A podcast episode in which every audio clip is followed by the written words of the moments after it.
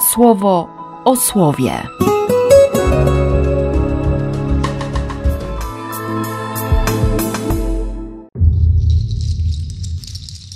6 września, wtorek. Nie łudźcie się. W tej sprawie nie powinniście mieć żadnych złudzeń. Ludzie nurzający się w takich nieprawościach nie mają udziału w Królestwie Bożym. A przecież w taki właśnie sposób wielu z Was prowadziło swoje sprawy. Lecz teraz, po uświęcającym obmyciu ze starych win i grzechów i obleczeniu sprawiedliwością Jezusa Chrystusa, naszego Pana, w duchu naszego Boga, trzymajcie się z daleka od tego wszystkiego. Paweł nie walczy o swoją popularność. Paweł walczy o duszę tych ludzi, o życie wieczne.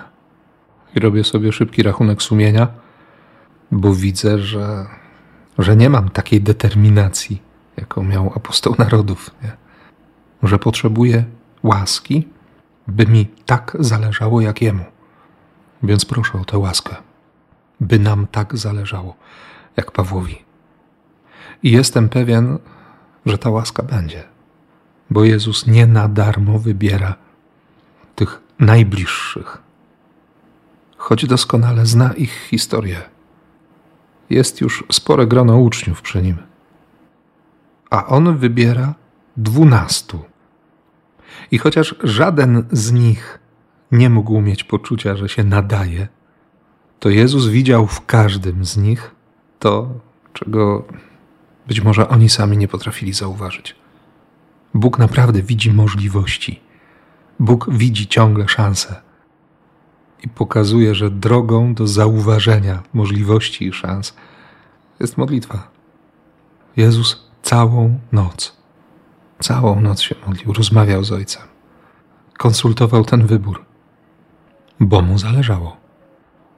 I to pragnienie było w nim tak silne, że objawiało się potem mocą uzdrowienia. Bo kiedy zeszli razem na równinę, na Jezusa czekał już wielki tłum pozostałych uczniów, a także niezliczona mnogość przybyszów z Judei, Jerozolimy, nadmorskiego Tyru i Sydonu. Wszyscy oni zgromadzili się, by go posłuchać i prosić o uleczenie z chorób, na które cierpieli. Także ludzie dręczeni przez duchy nieczyste doznawali uwolnienia – Tłum napierał na niego ze wszystkich stron, każdy chciał go dotknąć, gdyż emanowała z niego niezwykła moc, która wszystkich uzdrawiała. To jest szansa i dla ciebie, i dla mnie. Więc niech się łaska dzieje w imię Ojca i Syna i Ducha Świętego. Amen.